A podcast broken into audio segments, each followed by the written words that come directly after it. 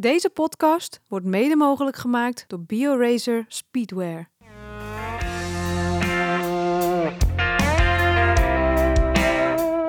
Welkom bij de Courage Podcast. De podcast waarin voormalig professioneel wielrenster Vera Koedoder op zoek gaat naar de verhalen achter de topprestatie. Met courage. Maar nu speciaal over de koers. In deze reeks doet ze dat samen met voormalig professioneel wielrenster Roxane Kneteman. Vera en Roxane zien af. Na alle belangrijke wedstrijden van het vrouwenwielrennen voorzien zij jou van een nabeschouwing. Met enthousiasme en het hart op de tong. Veel luisterplezier. Ja, daar zijn we weer. Welkom allemaal bij nummer 13 van Vera en Roxane zien af van de Courage podcast. Het gaat lekker hard, want gisteren hadden we nummer 12 opgenomen en ehm, nu alweer nummer 13, want Nederlandse kampioenschappen, tijdrijden en wegwedstrijd is toch wel even heel wat anders dan de Giro d'Italia Donne. Nou, en die staat dus komende donderdag alweer op het programma. Het is gewoon even heads up, het is druk, het is even, nou ja, gekke huis eigenlijk. Met wat betreft eh, de podcast nu deze week. Maar uh, hartstikke leuk vind ik. Want we hebben weer wat om naar uit te kijken. Roxane, wederom welkom. Hoi. Gisteren hadden we Ellen van Dijk als uh, gast natuurlijk bij ons. De kerstverse Nederlands kampioen de tijdrijden. Zij rijdt niet de Giro d'Italia Donne. Zij gaat de Baloise Ladies Tour rijden halverwege deze maand ja, we hebben wel heel veel andere Nederlandse toppers die wel gaan uh, rijden. Dus daar gaan we het natuurlijk ook over hebben. Maar wat we gisteren nog zijn vergeten te benoemen. Want toen hadden we ook nog weer even een terugblikje gedaan op wat we de afgelopen week allemaal hadden gedaan. En toen vertelde jij mij dat je gisteren iets heel leuks had gedaan. En toen was ik heel benieuwd. Maar daar kwamen we op de een of andere manier niet aan toe om dat nog te vertellen aan de luisteraars. En ik ben nog steeds benieuwd. En ook toen we elkaar net spraken, heb ik bewust niet naar gevraagd. Want ik dacht, nou, dan kun je het in deze podcast alsnog even gaan vertellen. Onvoorbereid. Nou, hou je vast, Veer. Hou je vast. Ja. We hadden het natuurlijk... Jij begon erover over dat Bliksem wereldberoemd is, toch? Bliksem is mijn hond. Ja. Een Duitse staande kort haar. Wereldberoemd aan het worden. Alle ja. fotografen willen er op de foto. Behalve de fotograaf van Trouw. Ja. En uh, helemaal oké okay, hoor. Want Bliksem vindt het eigenlijk helemaal niet leuk om op de foto te gaan. Mm -hmm. um, ik denk dat ze dat van, van Wim heeft. Nee, grapje. Het is, het is niet ons kind. Zo baasje, zo hond. Of hoe, hoe noemen ze dat? Ja, ik denk ja. wel dat ze, dat ze daarin lijkt op Wim, inderdaad. Ja.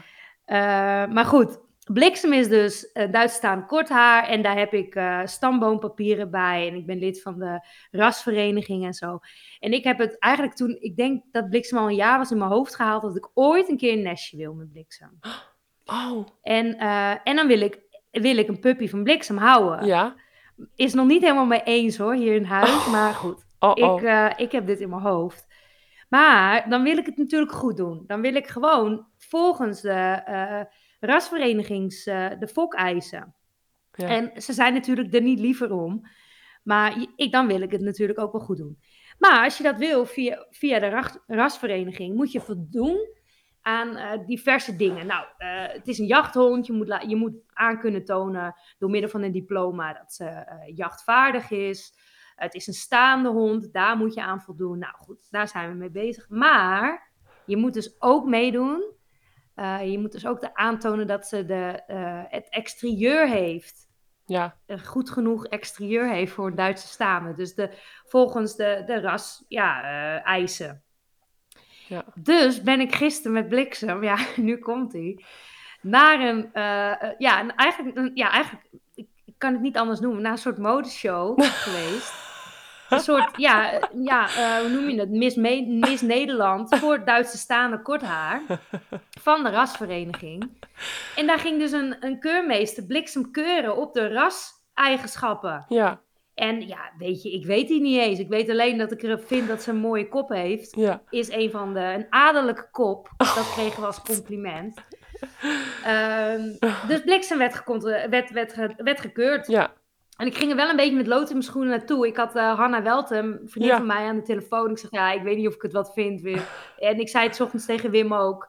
Het was een leuk idee, maar ik weet het nog niet helemaal. Maar ik kwam binnen, het was super gezellig. Allemaal Duitse staande korthaartjes. Nou, ik denk een stuk of 60, 50. Ja. Super laagdrempelig, vet relaxed. En stonden wij daar in de ring, moesten we een rondje lopen, bliksem werd bekeken. En dan kregen we de uitslag. En ze is dus goedgekeurd. Ja. Ze, zeer goed uh, kregen we op ons rapport. Mhm. Nou, ik heb het eigenlijk nog nooit gekregen. Dus uh, ja, ik was super trots op bliksem. Maar het beste compliment, Ja. Wat er dus bij de beschrijving stond, is dat ze een super mooi karakter heeft. Ja. En een hele lieve hond is. Nou, Dus Maar dat eh, wist je al. ik was eh, helemaal blij. Eh, Wim die vond het allemaal eigenlijk al een beetje overdreven. Maar goed. dus het is goedgekeurd. nou ik, ik had dit verhaal totaal niet verwacht. Ehm, maar goed, weet je of het nou in de... Maar ja, dat is ook een van de dingen wie Ja. ik ben. Ik vind fietsen heel erg leuk, Ja. maar eh, Ja. ik vind bliksem ook echt... Ik, het is een hele nieuwe wereld voor mij weer. Ja, Ook die jachtwereld. Dat is zo... Ik, dat is misschien net iets meer mijn ding. ja, Maar het is zo- het is zo'n andere wereld als daar waar, waar je uitkomen. ja, zeker. En het, ma ja, weet je, het, het, het geeft ook weer zo'n toevoeging of zo aan je leven. Niet, maar gewoon dat je andere werel- werelden ontdekt. Ja, En eh, een breder pers- perspectief geeft het je. Ik vind, ja, ik vind dat geweldig. Dus eh, ja, ja, het Ik- was een leuke ochtend. Echt waar. Ik heb echt genoten. ja, ik kan me voorstellen. Het klinkt een beetje eh, zoals je het net beschreef. Zoals, ja, als je het moederschap of het ouderschap ingaat eigenlijk. Dus, dus Ben jij toen ook... heb jij Richard ook... heb jij Richard ook... nog- Nee. Heb jij Richard ook op zijn... op zijn goed, goed... Ja, nou ja, plus en plus, weet je wel. De- nou ja, de, de grap is... Ja. De keurmeester die gaf een paar eh, dingetjes waarom bliksem... Want je kan, kan ook uitmuntend zijn. ja, Ik vind dat bliksem uitmuntend is qua bouw. Maar ik snap wel waarom ze zeer goed is. Als je kijkt naar de, de, de karakteristieke eigenschappen voor Duitse staande. Maar als je nou natuurlijk een uitmuntend nestje wil. ja, Dan moet je dus net de minpuntjes. Ja. Dat zijn er weinig van bliksem.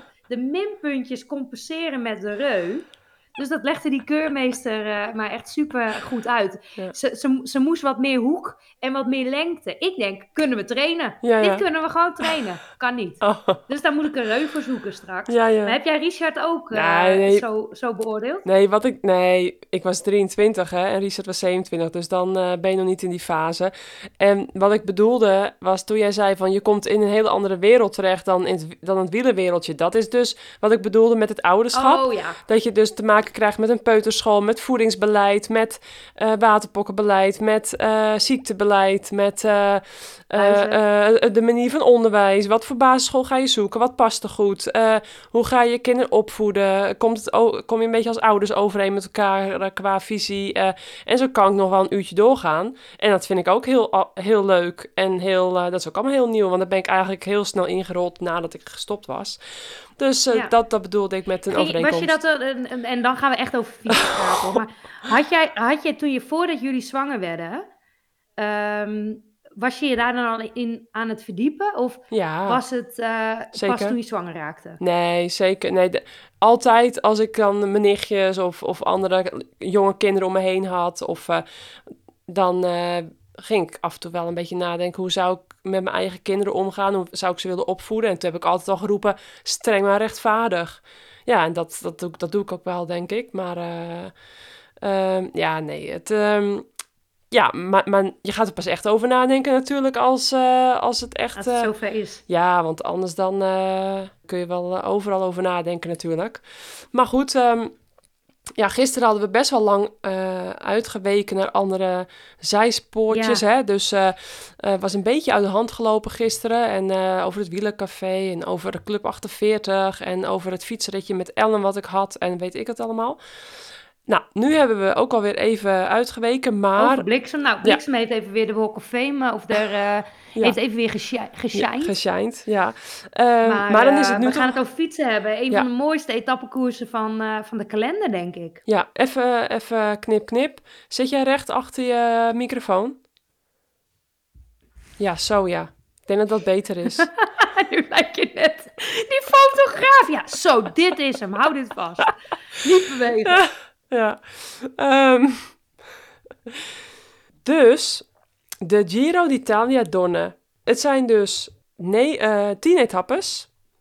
En wat ik net al tegen jou zei, ik vind het dus raar dat er is een proloog van 4,7 kilometer waar ze mee beginnen. En dat noemen ze eerste etappe. dat vind ik een beetje amateuristisch, want dat heet proloog. En dan hou je nog negen etappes over. Maar goed, zij noemen het tien etappes.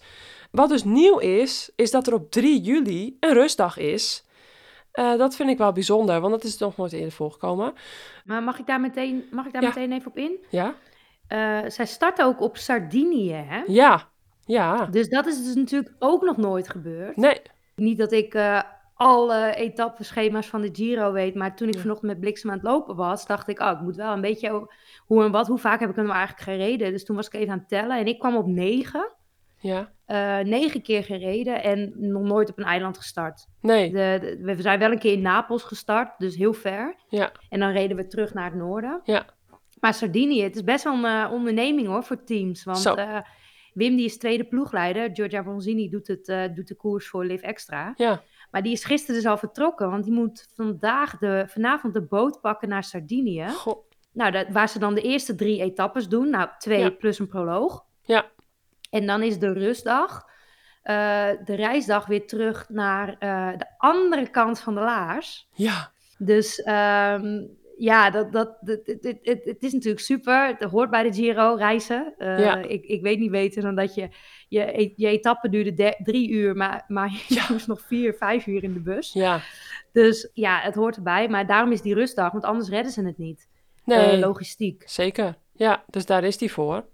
Ja. Wel cool. Wel eh, de eerste rustdag denk ik in een vrouwen-etappekoers. ja, ik denk het ook. Eh, het schijnt heel mooi te zijn op Sardinië. Ik denk dat ik ook Ik ooit... heel romantisch zelfs. Ja, ik wilde ooit wel eens een keer naartoe.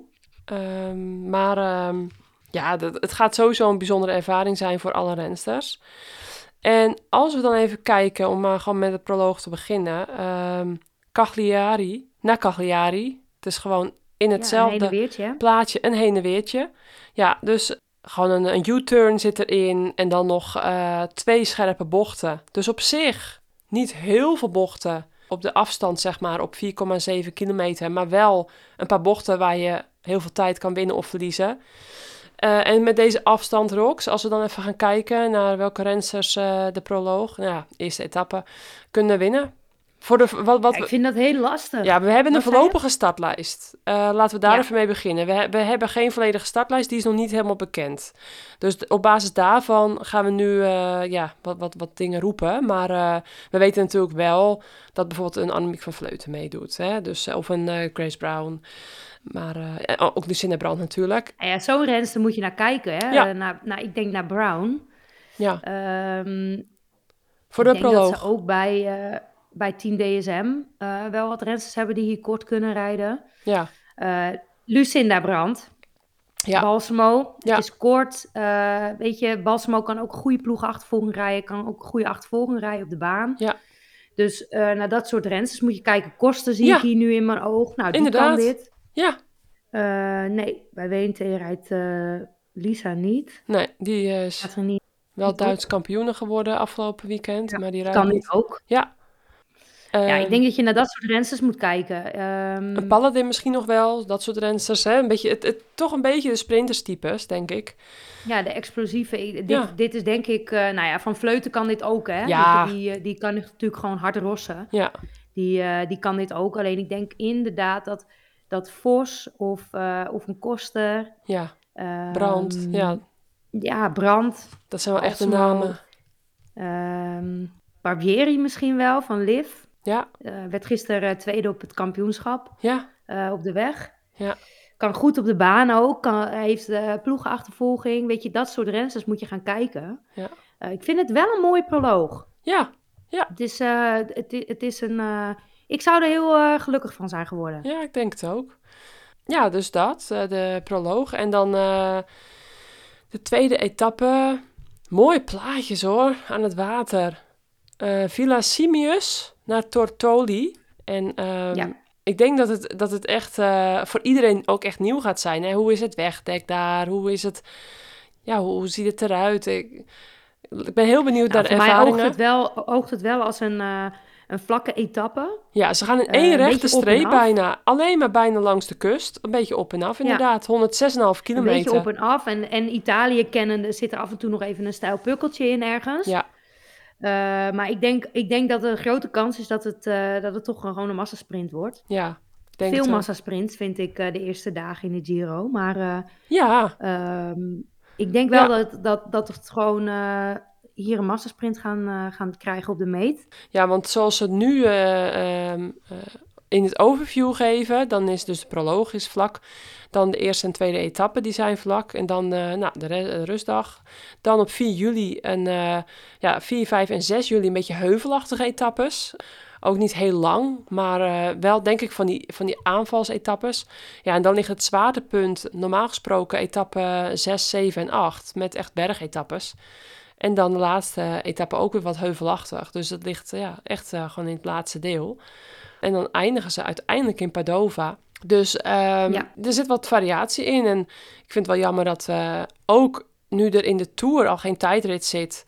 Jammer dat er ook in de Giro alleen maar een korte proloog in zit. Dus ehm, dat vind ik Maar jammer. dat doet de Giro toch wel vaak hoor. Ja, klopt Het eigenlijk. is ja. een beetje afwisselend. Giro doet het vaak een beetje afwisselend, wel, wel of geen. Maar er is altijd wel iets van een tijdritcomponent in. Ja. Ze hebben natuurlijk een aantal jaar begonnen met een ploegentijdrit. Ja. Ze hebben een aantal jaar wel gehad dat ze een afsluit, of ja, in het laatste weekend nog een tijdrit hadden. En dan wel beginnen met een proloog. Ja. Het is best wel eh, divers, vind ik, hun keuze daarin. Ja. Ja, ja, je kan er ook voor kiezen om nog echt... Ja, ik, ik, ik vind inderdaad ook dat er misschien nog wel een langere tijdrit in had, eh, in had gemogen. Maar goed, eh, Ja. ja. Ja, het is wat het is. Dus de tweede etappe, nou ja, lastig te zeggen, maar ik denk dan toch dat je gewoon naar de sprinters moet gaan kijken. Hè, want dat is gewoon echt steeds vaker dat je die schifting krijgt eh, in die rondes, dat het eh, sprinters of, of klimmers zijn. Dus wie kunnen we dan op gaan Ja, schrijven en de, voor en zo'n de tweede klim, etappe? ik vind... Oh, sorry. Ik vind ook dat de klimsters... Of ik vind ook dat de, de sprinters... over het algemeen ook steeds beter gaan klimmen. Ja, klopt, ja. Dus de, de, de, de klimsters gaan gewoon eigenlijk steeds langer mee... Ja, en kunnen dan nog een goede sprint rijden. Ja. Dus ehm, weet je, het parcours moet al wel dermate lastig zijn... wil je, wil je Balsamo eraf rijden. ja, En, eh, en ik, vind, ik vind dat bij veel sprinters. Weet je, Wiebes moet je Wiebes zien. Die rijdt hier nu niet, maar ze gaan steeds beter eh, bergop kunnen. Dus je rijdt ze er steeds ma- minder makkelijk af. Ja. En eh, dus, dus ga je ook steeds vaker dat soort meiden ook gewoon aan de meet krijgen. ja, zeker. Dan eh derde etappe is van Cala Gonone naar Olbia. Dus dat is ook, Ja. eh, en, en dat, ja, ook wel weer zo op de plaatjes zag er heel mooi uit. Ook weer Ja, ze, ja, langs de, de eerste kust. 25 kilometer zijn, is in een dalende lijn, hè, zie ik. Ja, ik ben heel benieuwd. Nou, het is een vlakke rit. Ja, Ziet er voor mij redelijk vlak uit. ja, ook weer allemaal langs de Ja, kust. weet je wat ik dus dan, dan nu meteen denk, Vera? Dat ik eigenlijk, ik, kijk, ik keek vanochtend dus eventjes de etappes door. Ja, En eh, ik, ik, eh, als ik één ding geleerd heb in de Giro, is dat ik nooit dat routeboek vertrouw. nee, nee, Want die klopt. routeboeken, die, of het is langer, of het is, nou, het lijkt altijd vlak, maar dan kom je van je fiets af, heb je 2000 hoogtemeters. Nou, Ja. en dat- ik overdrijf echt niet. Het is echt, het is verschrikkelijk. ja, Zo niet goed genoeg uitgezet. En, eh, en, en toen die tijd vonden we dat allemaal helemaal oké. ja, En ja, dan op een gegeven moment kwam de Women's Tour. En die hadden zulke goede Ja. rondeboeken, jongen. Ja. Alles kon je erin vinden. ja, Wij er natuurlijk ook steeds vaker van iets van vinden dat, dat die rondeboeken in de Giro niet klopten. ja, En, nou ja, de technologie is natuurlijk, heeft niet stilgestaan. En dan, eh, dan gingen, gingen teams gewoon eh, de routes in Strava zetten. Dan had je hem in ieder geval echt. ja, En eh, dus ik kijk wel een beetje naar, de, naar deze route op hun website. Een beetje met, klopt dit wel, klopt dit niet? ja, maar zoals deze route eruit ziet, is het gewoon een, in principe een vlakke rit. Langs de Ja. kust weer. ja. 113 kilometer. Wat zei jij? 113 kilometer. Ja. 113. En ehm, het is niet alleen in de Giro, het is ook bij bijvoorbeeld Giro della Toscane, wat al heel lang bestaat. eh, meer van die Italiaanse koersen, waarbij echt gewoon het routeboek 9 van de 10 keer echt niet klopt. Dus niet alleen Nee, in en de ook Giro. niet een klein beetje niet. Gewoon niet. Nee, Gewoon nee, ik herinner me dat niet. ook nog van de Giro toen. En ehm, ja, het is toch bijzonder dat, dat ze dat toch ook gewoon op de een of andere manier niet echt onder de knie krijgen. Maar goed, eh, ja, de Italiaanse slag zullen we maar zeggen. Nou ja, voor deze etappe, ja, een En sprint. dan gaan we van het eiland af. dan gaan we van het eiland dus ik denk af. dat het gewoon drie dagen eigenlijk eh, vooral... Snel gaat zijn, allemaal drie- snel. Ja. Furieus. Furieus en snel. Ja. En mooi. Dus ik denk dat... Azuurblauwe ja, zee. Italiaanse wedstrijdjes. Ja, als het uh, een beetje saai koers is, heb je in ieder geval wel mooi uitzicht langs de kust, op, het, op de zee. Ik denk... Uh, ik denk niet dat ze er tijd voor ja, hebben. Nee. nee. Etappe 4 van Cesena naar Cesena. Dus dat is dan, ja, dat is dan weer een rondje. Ja. Ja, met wat, uh, wat klimmetjes erin van de, de, tweede en derde categorie. Dus dat, dan gaan ze wel weer echt een rondje doen. Dus niet in, in een rechte streep zo'n beetje. En uh, ja, dat... Uh, ja, en dat... dan de, dat is best wel inderdaad... op papier vind ik hem wel... het, het is de eerste... De aanloop zie ik is nou ja, 35 kilometer vlak. Ja. En dan... ja, die, die klimmetjes zien er wel pittig uit. Ja. vooral stijl in het begin. Ja. Nou, gewoon steile klimmen. Van net, net iets te lang, weet je wel. Net zo uh, 5, 6 kilometer. Ja. En zie ik dat goed? Ja, 3, 3 4 kilometer. Maar hij is dan wel weer uh, 10 kilometer afdaling naar de, naar de finish toe. Ja. Ja, het, uh, het is ja, wel een vluchtersetappe misschien. Ja, ik denk het nog niet hoor, Vera. Uh, ik denk nog niet zo vroeg in de koers dat een vlucht uh, het gaat houden. Nee. 121 kilometer, niet al te ja. lang. Nee, maar ik, ik, het zou kunnen. Het zou, het zou inderdaad in de toertermen zou je het een soort van overgangsrit kunnen noemen. Ja. Um, maar aan de andere kant denk ik ook wel dat, dat, uh, dat de klassementrensters zich hier uh, nou ja, niet uh, tijd gaan pakken op elkaar. Nee. Maar ja, ook niet tijd aan elkaar toe willen geven. Nee, En, het is bij de eh, les blijven, hè. Continu bij de les blijven. Helemaal in, eh, in de Giro. Dan eh, is het vaak chaotisch. En ja, het is toch gewoon een beetje stressvol. wegen. Ja, dan zijn dat soort ritjes eigenlijk eh, ook gewoon heel zwaar.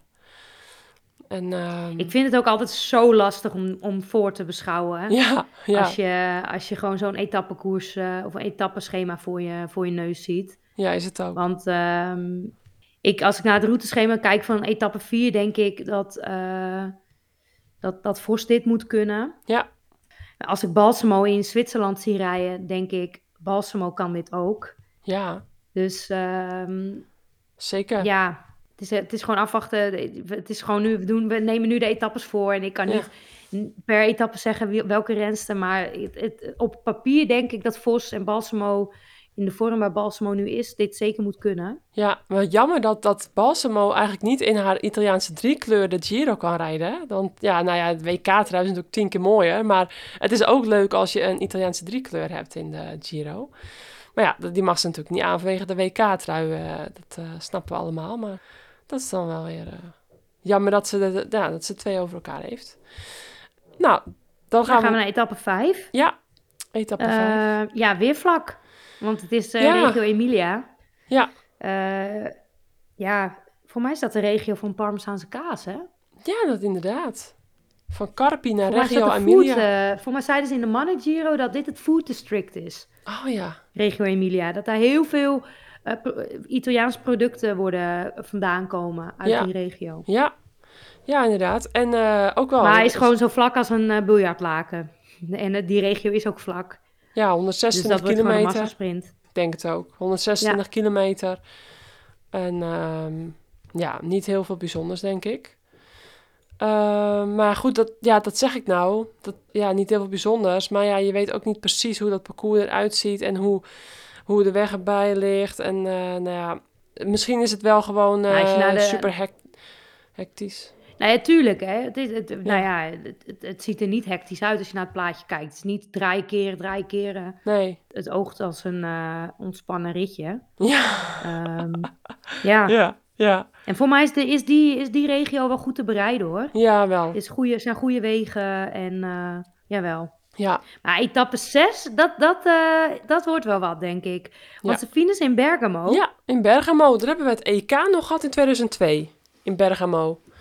Ah, Daar reed ik als nee, eerstejaars ik, ik, eh, ik, heb er dus ook, ik ben er dus ook een keer gefinished in de Giro. Ja. En ehm, dat was echt een helse etappe. Echt heel veel klimmen. Oh, ja. Oh, dat was echt eh, dat was super lastig. Ja, wij reden toen op het parcours van Eh, Lombardije ook. Was ook lastig. Ja, nou ja, dat, dat Bergamo finished natuurlijk, of in Lombardije finished natuurlijk in Bergamo. Ja, En ehm, dat is die regio. Maar je Ja. hebt zeg maar daar een vlak gedeelte. En je hebt een heel erg heuvelen. Ja. Ja, heuvels met beklimmingen. Ja. Maar de, ehm, wat ik las, is... ehm, op een gegeven moment hebben ze een klimmetje van 1,6 kilometer. Ja. eh, met een ongeveer 8% stijging. En Ja. die is deels met keien in de finale. Ja. Dan dalen de rensters drie kilometer naar beneden, Ja. naar de finish. En dat is dus dezelfde eh, finale als toen Pogacar de Lombardije won. Oh ja, grappig. Ja. Maar dat is wel mooi. Ja. Het is een mooie finale en ik zeg dan meteen Vos. Ja, ik denk het ook. Ja, die, die etappe, als je het zo beschrijft. Ja, brand zou ook nog kunnen. Ehm, Echt een iets voor pun- punchers. ja, zeker. Ja, en wat ik dus nu eh, grappig vind, Olga Zabelinskaya is de ene oudste Ja. deelnemster aan de Giro met 42 jaar en 41 dagen. Had Pro Cycling Stats eh, op het eh, schemaatje laten zien, hè, want dat hebben ze altijd bij etappekoers en zo. Eh, de oldest competitors en de youngest. En toen bedacht ik me dat in 2002 diezelfde Olga Zabelinskaya dat EK tijdrijden won, want zij is vier jaar ouder dan ik. Ik was 18, zij was 22, in Bergamo. En nu is ze dus op 42-jarige leeftijd gewoon weer nog steeds daar aan het fietsen. Terwijl ik me daar gewoon geen Ja, voorstelling van kan doen. Geloof ik. Sorry? Voor mij heeft zij al vier kinderen. Vier kinderen? Ja, volgens mij heeft zij... Nou, sowieso twee of drie. Oh, wauw. Voor mij vier. Waarom dit... Ja? Ja, zeker hoor. Oh, dat wist ik Ja, niet. ja. Dat wist ik niet. Ik dacht eentje. In Londen, na Londen, ik na dacht één. Londen maar- is ze meteen... En dat was volgens mij al de, de tweede of de derde. Oh, ja. dan ga ik eens opzoeken. Dan ga ik opzoeken, want dan vind Ja. ik het helemaal bizar. Maar eh Kan ze me gewoon niks meer goede tijd. voorstellen. Ja, nu, ik wil helemaal niet over... eh, Want die heeft niks met deze etappe te maken. Maar Olga, die... eh Olga Sablinskaya reed dus een hele goede tijdrit in Zwitserland, hè? Ja, En eh, dan staat ze dus weer in de top 10. En dan denk ik echt, oh my god, wat, ja, wat, wat blijft die... Waarom? Ja, ze zal Ja. gewoon heel veel geld verdienen ermee. ja. Eh, Ja. Die blijft maar gaan. Maar toen was ze Russisch, toch? Toen jij Ja. tegen haar fietste. Ja, dat Ja. klopt. En eh, toen won ze ook met een minuut voorsprong of zo eh, op, op, op mij. En dan nummer twee, Italiaanse was dat. Die heette Vera Carrara toen. Die reed ook op de baan. En ja, dat was echt... Iedereen dacht van, huh? Hoe kun je met zoveel verschil winnen? En toen dachten andere mensen ook alweer aan andere dingen. Maar goed, ze was Russisch en ze was, ja... Ja, het was een aparte vrouw in Ze is ieder wel geval. al lang aan de top. Ze is al lang aan de top. Ja, af en toe werd ze eh, geschorst, maar eh, ze komt iedere keer weer terug. Is zij geschorst geweest? Ja, ja zeker. Ja, Oh. ja. Al een tijdje dan- terug. Het is wel een doorzetter. Ze heeft wel courage. Oh god. Nou, maar goed. Dat is dus de ene Eh, oudste ja, deelnemster. Olga. Ja, de ene, Wat? oudste, de ene oudste deelnemster. Ja, wie Komt is dan weer- de oudste? Dat is Sandra Levenes uit eh, Frankrijk van het Cofidis Women Team. Ook 42 jaar, Ja, maar Fransen die houden ook wel van doorfietsen hè, op latere leeftijd. ja, inderdaad. Die is een soort eh Gianni Leuke Longo weetjes, leuke weetjes. Dus ja, vond ik wel grappig. Ehm, Maar eh etappe, zitten volgende etappe. Zes? Zes, hè? Ja, we gaan nu naar etappe 6. Nou, etappe 6, ik, zet, ik zet in op Vos. Ja, dat is Sarnicona. eh sorry, etappe 7 gaan we dan. Ja. Prevalle Passo Maniva. En Ja, ehm ik dacht al, het is toch Passo ja. Niva? Ja. ja, Passo Maniva. Ook weer, het ziet er heel mooi uit, dat gebied. Ook weer één streep. Dus, eh, en dan op het eind buigen ze een beetje eh, weer naar boven. Maar eh, gewoon echt helemaal van het noorden naar het zuiden toe. En dan nog drie plaatselijke rondjes. Nou, dat is meestal ook wel hectisch. Ja, berg op Venus. Etappe 7, daar is, nou ja, wat je aan het profiel ziet, is een vlakke aanloop. Ja. En een berg op Venus van ongeveer, nou, 10 kilometer met, nou, wat staat er? 8% gemiddelde klim. Ja, ja, Dus dat gaat gewoon eh, de, eerste, de eerste echte slag zijn voor het klassement. ja. Eh, oorlog daarvoor, om in een kopgroep te komen. En ehm, ja, dit, dit gaat natuurlijk eh, Van Vleuten lekker vinden. eh ehm, start Mavi Garcia ook? Zal wel interessant zijn natuurlijk. Nee, jawel, Mavi Garcia start ook. Oh, mooi. Ja, Ja, nou ja, en dan heb je natuurlijk Cavalli, die, Ja. eh, die dit soort dingen lekker gaat vinden. Nou, je hebt, eh, ik denk, ja, je hebt Shackley, die rijdt bij, eh, bij SD Works. Ik ben benieuwd wat zij daar kan. ja. Eh Oeh, La Bouche staat hier ook op. Dus die doet ook de Combi Giro Tour. Ja. Die kan dit ook. nou ja, die, die meiden, of ja, die rensters, weet je wel. Gewoon de, de klimsters, Ja. de, de klassementrensters gaan hier... ja, ik denk dat dit, dit, dit niet eh, voor Vos, hoor. Nee. Nee, ik denk het ook niet. Eh, we zeiden net Prevaille Passo del Maniva. Eh, dit is Rovereto Aldeno. Waar we het nu over hebben. Etappe 7. Etappe 8? Nee, etappe 7. Eh, Nee, ik zit bij etappe 7. Oh, even kijken. Heeft dan de Giro-website iets anders dan Pro Cycling Stats? Ja, denk ik. Ja, etappe 7, Rovereto Aldeno. Bij Giro Donne staat Prevaille Passo Maniva bij etappe 7. En op Pro Cycling Stats staat die als etappe 6. Ja, en dan 7 is 6. En dus, dus is wat... het andersom? Ja, Ja. dus het is etappe 7. Ja. Die we net hebben gedaan. Nu gaan Ja. we naar 8. Ja, ehm, het is een beetje onduidelijk, want Pro Cycling Stats heeft dus een andere benoeming van de etappes dan de Giro-website. En dat is dus wat ik net helemaal in het begin benoemde, dat het eh, verwarrend is dat de Giro-organisatie de eerste etappe eh, geen proloog noemt van 4,5 kilometer. Normaal noem je dat altijd een proloog. En ja, op het etappeschema staan dus 10 stages, 10 etappes van de website.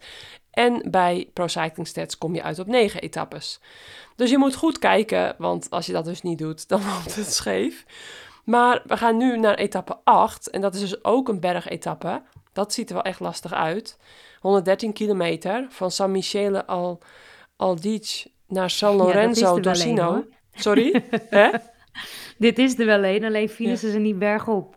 Nee, maar, maar het is wel een bergetappe. Het is wel eh, lastig. Ja, maar ik zeg toch ook, dit is Ja. toch echt een, een, een, Maar een- op- nou ja, een old de- classic Ja, eh, lastige etappe. ja, ja, ja. ja. Alleen, eh, Alleen finishen ze niet bergop en dat is bij Nee. die andere wel het geval. Bij die Ja. andere is het eigenlijk gewoon continu vlak. ja, En alleen een berg op finish, dat is bij etappe 7. En bij Ja. etappe 8 is gewoon, ja, ja, weet je, dan zit je al op de, de achtste dag. ja, dat- Dat Ja. is gewoon, gewoon Harken. verschrikkelijk als je, dan, als je dan net niet meer je lekkere benen hebt. ja, Dan, eh, want die kanteling komt altijd een beetje rond etappe 6, hè? Ja. En op een gegeven moment gaat het nog wel. En dan etappe 6 kom je dan vaak ook nog wel door. En dan 7 ja. wordt steeds lastiger. En dan 8 krijg je deze voor je kiezen. Ja, heftig hoor. Ik voel wel met ze mee. Ik lach nu een beetje sadistisch, maar ik voel wel mee. Ja, Ja, dit is gewoon een zware etappe. zeker. Dus eh, schrijf Annemiek van Vleuten daar maar voor op, denk ik. Want die gaat dan eindelijk... 1000 eh, meter klimmen in, in 10, ja, 14 kilometer, de eerste klim. En de tweede klim ehm, ook 10. ja, Dus eh, dat is wel lekker. ja, Ja. ja, die, eh, die... Oh, en weet je wat ik zie in, die, in dat eerste grafiekje van die eerste beklimming? Dat is Ja. dus eh, nou, be- behoorlijk stijl. Dat is 6,7 gemiddeld. Ja, En dan middenin, dan heb je ineens een, een, zie je een hele grote piek. Dus dan wordt die, wordt die eventjes echt stijl. Ja, Dat is altijd eh, zo voor een, nou, ongeveer een kilometertje. ja, zwaar dus hoor. dit is wel echt een lastige etappe. Ja, dan eh, gaat eh Annemiek en consorten hun, hun slag wel slaan. Ehm, en wat altijd wel met zo'n Giro is, dan als je niet voor het klassement meedoet, maar je rijdt hem gewoon, of, hè, of je bent, bent helper of je, bent, je, je pikt je etappes uit. En je komt dus ook niet helemaal afgedraaid zo'n etappekoers uit. Ehm, hè, dus er staat niet continu iedere dag alle druk op. Dan is het echt voor sommige rensters echt een kantelpunt in zo'n seizoen. Want het is een beetje halverwege het seizoen natuurlijk. En dan, als je dan die Giro uitrijdt en in de benen hebt... en je pakt gewoon goed je rust... dan kunnen sommige rensters zo'n ehm, vooruitgang maken richting het einde van het seizoen. En dat... ehm, dat is nu toch niet meer, Vera? Nou, ik denk het wel. Ik denk bijvoorbeeld een, een Nina Kessler, als die bijvoorbeeld zo'n Giro rijdt, nou, dan zie ik die nog wel weer, ook wel weer een stapje maken bijvoorbeeld. Of rensters die in het voorjaar ziek zijn geweest en die dan nu een Giro kunnen rijden voor, voor de ploeg en ja, zonder druk en gewoon echt eh, eh, met het idee om weer wat op te bouwen. Ik denk dat je dan, na zo'n Giro gaan we wel weer namen zien die, ja, die, die dan daar Maar dat heeft niet profijt echt van iets hebben. met puur de Giro te maken. Nou, als je Dat kan toch ook in Engeland zijn? Dat kan toch ook in de Tour straks zijn? Nee, maar het zijn wel natuurlijk eh, tien dagen. Dus het is wel gewoon echt lang. Het is toch wel weer wat anders dan dat je zes dagen koers en dan rust pakt. Dit is toch wel echt gewoon... eh, Ja, maar, jij, maar kijk, ik, nou, ik, ben, ik, ik snap wat je zegt. Ik ben het er niet helemaal mee eens. Want een Giro is, is naast dat je, ook al doe je hem rustig aan, altijd zwaar. Want je bent altijd nog 15 uur aan het reizen per dag. Mhm. Het is altijd loeiwarm. Ja, eh, wat, wat echt lastig is. Kijk, Ja. weet je wat, wat het lekker is aan zo'n Giro? Als je hem zonder rust, als je hem gewoon... Ja, ja, het klinkt heel lullig, maar je komt er gewoon super makkelijk op gewicht. Want je bent Ja. de hele dag bezig. ja, Eh, je zweet je de pleuris. En eh, ja, kijk, dat zou... Tuurlijk, elke etappekoers kan jou een duw in de rug geven. ja, Ehm, en ja, maar zo'n Giro, man. Ik zag nu, het is een hittegolf daar. Het is gewoon Ja. 38 graden. ja, dat is super zwaar. Ja, dat, dat, is, dat maakt het zo loeizwaar. Ja, ja, En, en de parcoursen. Want, want weet je, wij zien nu, gelu- gelukkig, zie ik nu alleen die, die eh, profielen van de etappes. Mhm. Maar het is altijd zo hectisch. Ja. Het is zo hectisch. En, eh, en warm. En eigenlijk kan je nooit in, in geen enkele etappe genoeg drinken. Nee, dat klopt. Ehm, dus het is wel waar, maar dat, ik vind niet dat dat puur definitie aan een Giro kleeft. Mm. Vroeger kan ik me voorstellen dat zo'n Giro je echt een boost voor de rest van het seizoen kon geven. Omdat toen die kalender gewoon nog veel dunner was. En dat je dan een tiendaagse etappekoers kon rijden. ja, Ja, dat, dat, dat kon je natuurlijk nooit. Nee. En trainen was ook heel anders. Dat wordt natuurlijk ook nu steeds professionalise- of professioneler. ja, Dus ehm, ja, ik geloof niet dat je, het ligt per renster, maar ik Mhm. geloof, ik geloof eigenlijk niet meer echt dat je moet koersen om heel veel beter te worden. Ik denk Mhm. echt juist dat koersen je eh, juist afmat en, en minder scherp maakt. Maar dat is Ja. mijn, als ik, als ik nu terugkijk op hoe ik het misschien anders had, als ik iets anders zou willen doen, had ik echt wat minder gaan koersen. ja, Ehm, maar eh, goed, jij, het is waar hoor. De etappekoers rijden in je benen, je wordt er altijd beter van. ja, Maar ehm, ik denk dat dat voor elke etappekoers geldt. ja. Kan, kan gelden. En eh, wat, wat me ook nog bij stond, was die enorme eh, loeihete voeten. Die eh, kussentjes onder je voeten. Echt iedere dag gewoon echt janken van, van nou ja, overdreven gezegd, van de mm, super hete voeten. Dat kon dan zo je afleiden ja. van het, van, dat, dat kon gewoon echt presteren zo beïnvloeden. En toen heb ik En ook, wist je, Veer, dat, dat, dat sommige rensters dit dus heel erg hebben? ja, ik ook. En ik dus een van die rensters was die dat... Dus ik had, het altijd, ik had natuurlijk het altijd warm. Maar ik had nooit echt... Ik had het juist altijd bij mijn helm. Dat ik echt dacht, ah, mijn hoofd, mijn hoofd Ja. is te warm, weet je wel.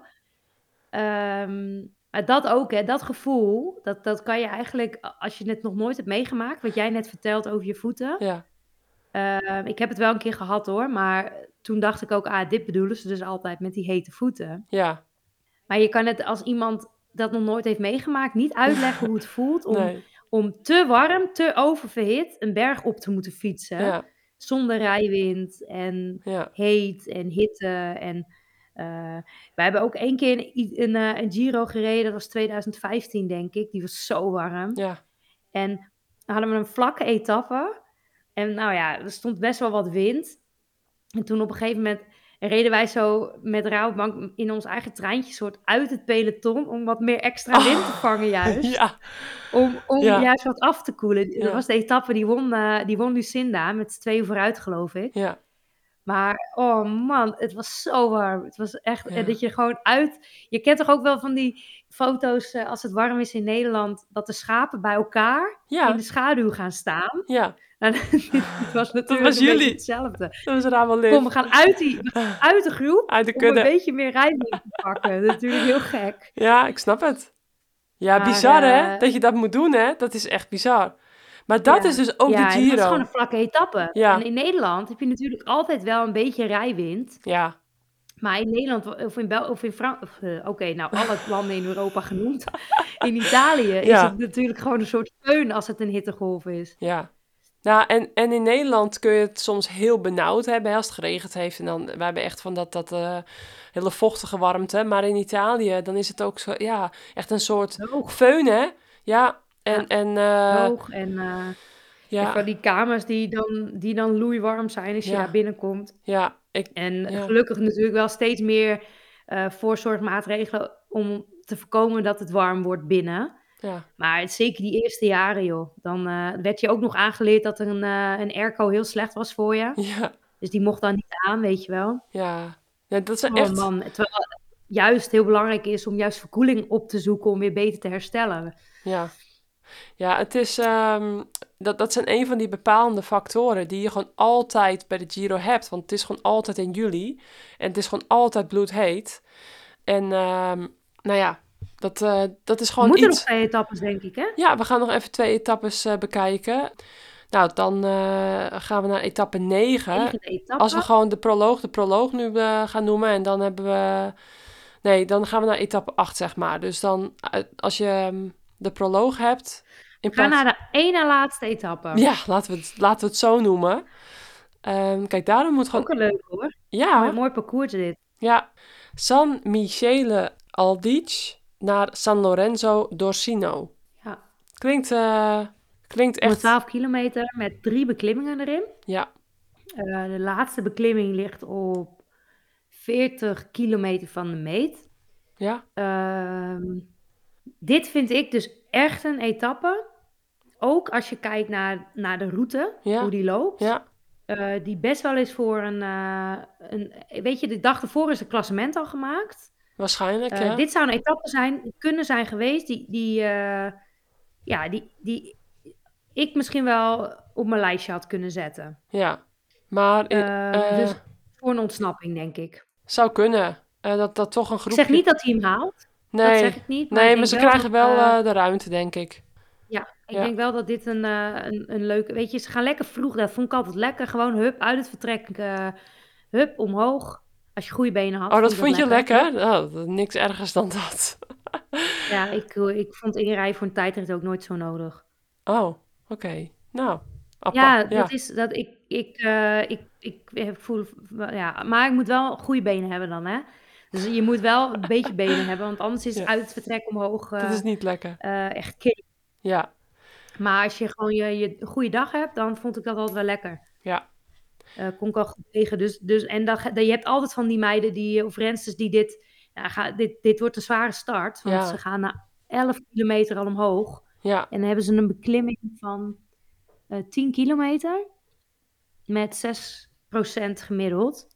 Heftig. Dus het, het is wel een lastig meteen.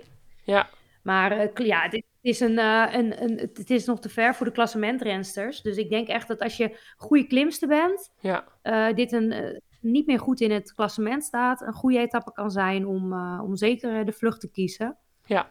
En, en te kijken of je het haalt.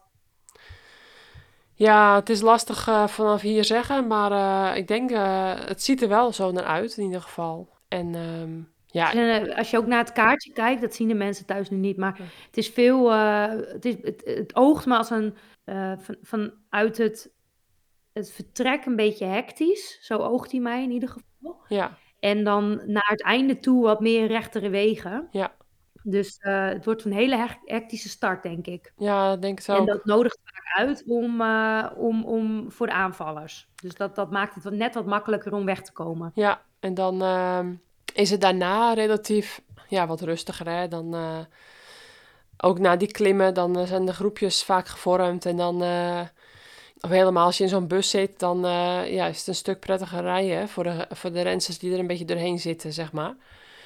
Dan ehm, kunnen gewoon de, de toppers vooraan weer hun gang gaan. Het Ehm, allerlekkerste is als je slecht bent, ja, dat gewoon maar heel snel die groep wegrijdt. ja, ja, ja, Want dan is het klaar en dan kan je gewoon je, je plekje zoeken. ja, ja, En dan, eh, dan kom je wel binnen. Maar als Ja. het lang duurt, is het, eh, is het shit, man. Want dan duurt het ook lang voordat het groepje waar jij zit, waar jij lekker kan Ja. fietsen, ja, eh, binnenkomt, duurt ook lang. Dus het, het, en zeker als je bedenkt dat de, de, de dagen, de twee dagen ervoor gewoon de ritten wordt voor het klassement, ja, is het hopen voor, voor de sprinters en zo dat die groep snel wegrijdt. ja, zeker. Ja, Dus eh, ja, maar die dag daarna is weer, dus de allerlaatste etappe. ja, Abano Terme naar Padova. Ja. Etappe 9. Een vlakke noemen we ritje weer. Ja. Ja. Met de 9 kilometer, een hupsje in het midden. Nee, een hupsje in de eerste 30 kilometer. ja, En dan is het eh, vlak naar eh, Padova rijden. Padova ligt, ligt ik, heb, ik heb het opgezocht, ligt een beetje zo eh, richting Venetië. ja, eh, want Dus eh, ze vinden ze in die hoek. inderdaad, volgens mij ben ik er wel eens geweest. In die, ook daar... Ja, Wim die zei dus ook, kennen wij Padova? Ja, maar ik... Maar ik, ik kan me niet herinneren dat ik iets ermee heb. Maar ik heb, daarom heb ik het ook opgezocht. En uh, het ligt een beetje zo Verona-achtig, Ja, hoogte. volgens mij is daar ook een eendagskoers geweest in Padova. Een UCI Ja, 1, dat kan eh, wel. 1.2 of zo, of een 1.1. Ja. Dus ehm, ja, ik ben heel benieuwd. Ik, eh, weet je wat ik hier nu achter me heb hangen, Rox? Want ik heb altijd ter... Voor de sfeer heb ik altijd even wat truitjes achter me hangen. En ehm, kijk, hier heb ik het truitje uit 2009 van de Giro Donne. Jongere trui. Ik hou hem even voor het beeld. Zie je? De Giro Mhm. Donne. Die had, eh, had ik toen had ik gekregen van Lizzie Armitstedt, nu Dij- Lizzie Dijnen. En eh, toen bestond de Giro 20 jaar. Kijk, hier staat ook een 20. En ehm, afgelopen week vond ik die toevallig, want ik was bij de, de, de kleding van de jongens aan het eh, uitsorteren en weer aan het dozen weer aan het vullen en dozen kleren eruit aan het halen, omdat ze groeien en dus andere kleren nodig had. En, en toen had ik ook nog een doosje met, eh met, met wielerreliquieën. En daar zat deze nog bij. Toen, ik wist helemaal niet, ik denk, hé, hoe kom ik daar nou aan? Toen ging ik even, even graven in mijn geheugen. En dat was dus van Lizzie gekregen, want die won toen het jongerenklassement. En daar sliep ik toen ook mee op de kamer, eh, die Giro.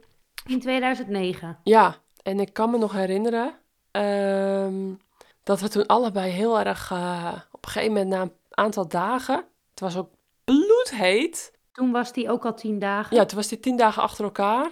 Begon volgens mij met een proloog in Pistoia. Of iets dergelijks daar in die omgeving. En ehm, in Toscane in ieder geval. Ehm, maar na een aantal dagen was het eh, bloedheet. En toen ehm, hadden we echt gigantisch last van ons zitvlak. Ja, dus Ja. we waren echt twee zielenpoten bij Hadden elkaar. jullie water over jullie zelf heen gegooid? Ja, alleen maar over onze schoenen. En Ja. daar werden mijn voeten nog heter van, achteraf.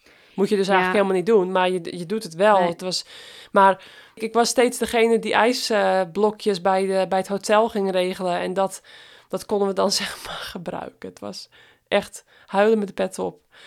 Dus we hadden daar heel erg last van, eh, die Giro. En dat was echt eh, een beetje onze gezamenlijke klaagdingetje, zeg maar. Struggle. Ja, de struggle van ons. Ja, weet je, dat zijn allemaal van die dingen. Weet je, als jij, als jij zeg maar uit Noord-Europa komt ja.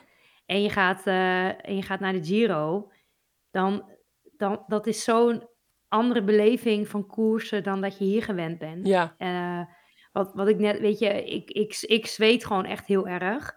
Eh, ook hier al. ik dus ook, laat, hoor. laat staan als je daar bent. ja. Ehm, dus, dus weet je, dan, dan, dan ook dat weet je wel. De kramp, dat, je lichaam is dat gewoon eigenlijk helemaal niet gewend. En hoe, als je, zeker als je jong bent en je gaat daarheen en je, je komt de eerste keer daar, daar, weet je ook helemaal niet wat je daaraan moet doen. En op een gegeven moment, aldoende leer je van, eh, nou ja, goed vooraf drinken, weet je wel. Maar ja, die, weet je, water over je heen gooien, ja, dat is zo, eigenlijk zo niet, niet slim. Want je wordt eigenlijk alleen maar warmer. Ja. En de bijkomstigheid is dat op het moment je water over je heen gooit en je, je, dat komt dus op je broek en dat komt dus in je zeem, ja, Ja. wordt, dat, dat, dat vind je zitvlak, Nee. eigenlijk vind je zitvlak het al helemaal niet zo heel erg leuk vaak. Maar Nee. eh, dan, dan, ja, dan wordt het eigenlijk alleen maar eh, ja, erger. Ja, dat, En, dat gaat ehm, schuren, ja. Ja, dat, dat, op een gegeven moment leer je ook wel dat je niet meer water over je heen moet gooien. En, eh, maar goed, zo lastig. Ja. Ik heb een keer op een berg, ook zo'n start, zoals de ene laatste dag, zo uit het vertrek omhoog. En ik had, slecht, ik had slechte benen, ja, dus hij was niet zo lekker. En het was zo warm. ja, En ik, ik wilde gewoon water over me heen gooien. Maar ik was gestart met twee doorslessers. ja. Oh. En eh, ja, ik dacht, ja, fuck it. Nu over je heen.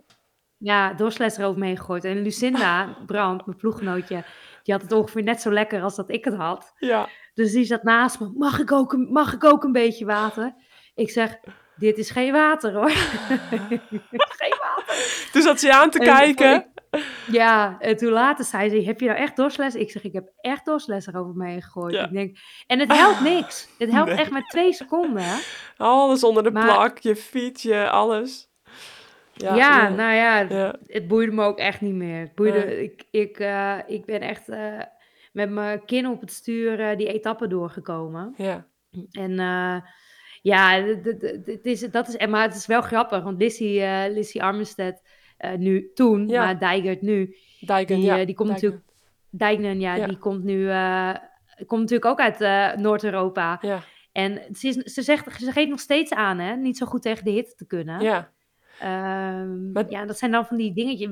Dat vind ik dan altijd zo bijzonder. Die klimsters vaak, ja. die kunnen zo goed tegen die warmte. Hè? Ja, ja, zeker. Dat is, dat is, uh, en dat komt natuurlijk ook omdat hun, hun lichaamsoppervlakte ja. veel, veel kleiner is. Ja. En uh, zij ook veel minder, ja, ze, A, ze hebben minder vet, B, ze hebben minder spieren. C, ze zijn vaak wat kleiner, dus ook wat korter. Ja. Dus hebben ze ook minder energie nodig om uh, zichzelf te koelen. En ja. ja. zoals jij en ik en, en ja, de, de, de, wat, de, wat, nou ja, de, de wat grotere rensters, ja. die hebben natuurlijk veel meer oppervlakte. Dat zie je eigenlijk bij de mannen ook wel. Ja. Um, ja, Lucinda Brandt bijvoorbeeld kan heel goed tegen de warmte. Ja, het is echt persoonlijk, hè. Maar uh, ja. ik vond het wel heel grappig achteraf gezien. Toen in 2009 was de ontdekking van Lizzie Dijnen. Toen in Di Giro, uh, toen uh, dat we bij Lotto Bellisol reden. En uh, ja, dat ze toen de jongere trui won. En toen was ze al heel, ja, ja gewoon echt, een, echt een, een, een toprenster in de ploeg, maar ook buiten de ploeg. Dus zoveel toffe ja, gesprekken. Later, een jaar later ging ik denk ik mijn eerste Giro rijden, 2010. Ja, zou kunnen, ja. Ja. Ja. Dus uh, nee, was leuk. Leuk dat ik dat truitje nog heb. Ik zal hem nog eens een keer naar het door, uh, doorsturen, een fotootje. Um, nou, ik denk dat we wel genoeg hebben gezegd nu over de Giro. En uh, ja, nogmaals, het is wel lastig, hè, Rox, om het zo een beetje van papier... om ja, echt iets zinnigs te kunnen zeggen natuurlijk over het parcours en... Ja, maar daarom moet iedereen luisteren naar elke tussenbeschouwing. Ja. Wij gaan natuurlijk... Ja. wij gaan natuurlijk die zijn, al, die zijn eigenlijk veel beter van ons sfeer. Kijk, Ja. iedereen, moet ons kracht, iedereen moet, je, moet zijn kracht kennen. Als ik het over mezelf heb, ik ben niet goed in voorbeschouwen. Nee, maar Ik- weet je wat ik- het is, Rox? Een koers is ook nooit te voorspellen. Dus Nooit als mensen een voorspelling verwachten... We doen altijd wel de rubriek de voorspellingen. Dat is gewoon omdat het grappig is. Maar eigenlijk is het zinloos. En eh, een koers kun je gewoon niet voorspellen. En ook zo'n... En het parcours ook, in, helemaal in Italië, ook vaak niet. Maar toch, hè, we wilden ze even doorlopen. En dan maakt het ook niet makkelijk dat je de eh, website eh, van de organisatie en Pro Cycling Stats gaat onderzoeken. En dan kom je er dus tijdens de podcast achter dat ze de proloog en de eerste etappe dus anders benoemen. Dan loopt het dus scheef. Afijn. Laten we ehm, voor de mensen die luisteren, die nog steeds luisteren, ehm, nog even de winactie erin gooien van BioRacer. Die hebben we ook bij de NK-nabeschouwing eh, gedaan. En dat is het nachtje weg, wat iedereen, waar iedereen kans op maakt. Een nachtje weg voor twee personen met ontbijt naar Café Coureur in Hoevelise of in Borgloon. In België ligt dat. Prachtige omgeving. eh, met een afgesloten en bewaakte fietsenkluis. Je kan vanuit daar prachtige fietsenroutes rijden. En eh, op cafécoureur.cc staat alle informatie. BioRacer stelt dat eh, ter beschikking. En het enige wat je hoeft te doen is een review achterlaten op Apple Podcasts. Vijf sterretjes erbij. Je mag ook altijd vijf sterretjes op eh, Spotify geven als je onze podcast leuk vindt. En als je niet daar eh, je de podcast luistert, kun je naar courage.cc slash podcast. En daar kunnen ook antwoorden gegeven worden. En het enige wat je dus moet doen is vertellen waarom je dat nachtje weg eh, voor twee personen met ontbijt wil, wil winnen. Dus onder, ja, bij de, voor degenen die gaan reageren, gaan we gewoon weer loten. Ehm, en dat gaan we denk ik over een aantal afleveringen doen. Ik denk bij de, een van de tussenbeschouwingen, dan gaan we hem verloten. Dus iedereen rapido eh, invullen. Want eh, nou, dat is over binnen nu en een eh, anderhalve week ongeveer. Dus op het eind van de Giro gaan we die verloten. Of er moet echt helemaal niemand zin hebben in een nachtje weg. Dan doen we hem bij, ehm, bij de ehm, voorbeschouwing van de Tour. Dus eh, dat was de winactie van BioRacer. En dan eh, zijn we denk ik aan het einde gekomen, Rox. Heb jij nog een nabrander? Yes. Eh, Moeten we nog een voorspelling doen? Als allerlaatste sh- shout-out. De voorspelling, wie gaat de Giro winnen? Wat is jouw favoriet? Annemiek van Vleuten misschien? Ja, Van Vleuten is wel mijn favoriet, maar Ja. ik, ik ben ook wel benieuwd naar Cavalli. Ik ook. Heel interessant. Ja. Ja. We hebben niet genoemd, dat hoort natuurlijk sowieso in een podcast als deze. Hoe vaak Marianne Vos wel niet een etappe heeft gewonnen in de Giro. Lucinda Brandt ook. Te vaak. Uh, nou, het is echt Mrs. Giro, kun je wel, Mrs. Giro Donne kun je er wel noemen. Lucinda Brandt altijd heel goed, die nu weer van de partij is. Annemiek van Vleuten, ook natuurlijk in het verleden de Giro gewonnen. En dan ga ik ook opnoemen, dan ga ik even ook opnoemen dat Anna een vier keer gewonnen heeft, het eindklassement. Uh, en dat Marianne hem een keer of drie gewonnen heeft. Uh, en, uh, en dat Annemiek hem al twee keer gewonnen had. En, en ja, dat vind ik nog wel even ja, leuk om op te noemen. Hè. Ik bedoel, het is echt ongelooflijk. Wie won de Giro van vorig jaar, Veer? Anna. Of Anna, ja, Anna nog. Nou, Anna van der Breggen. Ja. Anna, die won vorig jaar nog. Ja, dat is Gek is dat, hè? Ja. ja, want ik zat te denken, Anna of Annemiek. Maar ja, Anna gewoon. Ja. Ik vind het heel gek dat Anna de Giro niet gaat rijden. Volgens mij heeft Anna in haar wielencarrière... Ja, heel vaak. Alle Giro's gestart. Ja, denk je? Wauw. Ja, Zo. zeker weten. Volgens mij heeft ze... Nou, ze, ik denk het zeker weten. Ja. Ja, dat is... ik, ben zo, ik ben zo, zo grappig. Dat is wel, wel bijzonder. Maar net als dat Ellen hoopte om hem niet te rijden, dat had ik ook vaak. Want ik reed dan liever een kortere etappekoers, zoals Krasnalipa in Tsjechië of zo omdat ja, dan, waren, dan zag je het schema en dacht je, ja, ja, wat, wat, wat moet je daar dan doen, weet je, als een renster zoals ik. Of, nou ja, in dit geval, in, met dit schema snap ik Ellen ook wel dat ze liever in de Baloise Ladies toe gaat rijden. Maar ja, dat, ik, ik, vind, ik heb wel altijd heel erg op de voet gevolgd. Ik vond wel altijd heel leuk om te kijken. Maar zelf, ook toen ik hem reed, nee, toen dacht ik van, uh, laat me zitten. Maar jij bent wel ook wel, ook wel echt, we kunnen jou toch eigenlijk ook wel Mrs. Uh, Giro noemen. Dus Straks met de tussenbeschouwing, Rox. Inderdaad, ik heb, ik heb mijn bovenarm een keer gebroken, mijn sleutelbeen. Uh, nee, Ellende. Ik, uh, ik, hield altijd van de Giro. Ik vond het geweldig dat je ja. niet over na hoeft te denken of je het eten lustte. Oh ja, dat is uh, wel zo. Altijd goede pasta, altijd, ja. altijd lekker eten. Ja. Um, ja, zo'n zo'n zo'n zo'n riviertje waar je dan in ploft na afloop. Ik, ja. ja, ik, weet je, het was ook een beetje mijn ontdekking voor mezelf. Dat, A, dat ik, weet je, als junior dacht ik altijd dat ik best wel goed kon klimmen. En dan had ik een paar lastige jaren dat ik dacht, ja, ik weet eigenlijk helemaal niet eens of ik wel überhaupt kan fietsen. en toen nam Johan Lammers mij mee naar, uh, naar de Giro, dus in 2010. Ja. En toen, uh, toen in ene dacht ik, ja, dit, dit is gewoon echt zo leuk, dat klimmen, weet je wel. Heel grappig. Ja. zo zat de fiets daar. Ja. En ja, dus dan, dan hou je toch wel zo'n bijzondere band met zo'n wedstrijd, omdat het je een soort van uh, je ogen geopend heeft. Ja. Maar goed, ik heb er ook huilend op mijn fiets gezeten. Ik, ik, heb, ik, pff, ik heb wel eens een keertje, ik zat met, nou, de laatste groep met Iris Slappendel, berg op de fietsen in Toscane, een of andere veel te steile klim, warm. Ja. En uh, toen, toen kreeg ik een colaatje van Iris en toen zei ik, ik ga, even, ik ga heel even stilstaan even stilstaan om het colaatje te drinken. En Iris, dat doe je niet. Je blijft op de ik, ja, maar ik moet, ik, huilend hè, ik moet even stilstaan. Je gaat niet stilstaan. Uh, dat was 2012, want die ja. etappe had uh, Van Vleuten de sleutelbeen gebroken. Oh ja. Um, ja, en dan, uh, dan, weet je, dan kom je toch weer bij de fines. En elke dag dacht ik weer, ik wil naar huis. Ja. Je hem uit. Ja. En dat was dus ook Bergamo uh, Fines die laatste dag. Ja. Die werd er gewonnen door Johansson, dat ik dit nog weet. Maar goed. Door wie? Johansson won ja. Oh ja. Maar uh, ja. Emma Johansson heeft, uh, heeft vorige week haar derde kindje gekregen. Ja. Emma Johansson. Leuk hè? Ja, heel leuk. Ja. ja, ik, vind, ik was altijd heel erg fan van Ina Joke Teutenberg en stiekem van Emma Johansson. Ja, en dat weet ze niet, maar ik keek heel erg op tegen Emma. Ja, mooie renster. Ja. Ja, jarenlang. Nou ja. Uh, ja, Giro, ik heb er zin in. Ik, uh, ik, ik hoop echt dat uh, dit jaar wel betere beelden zijn dan vorig jaar.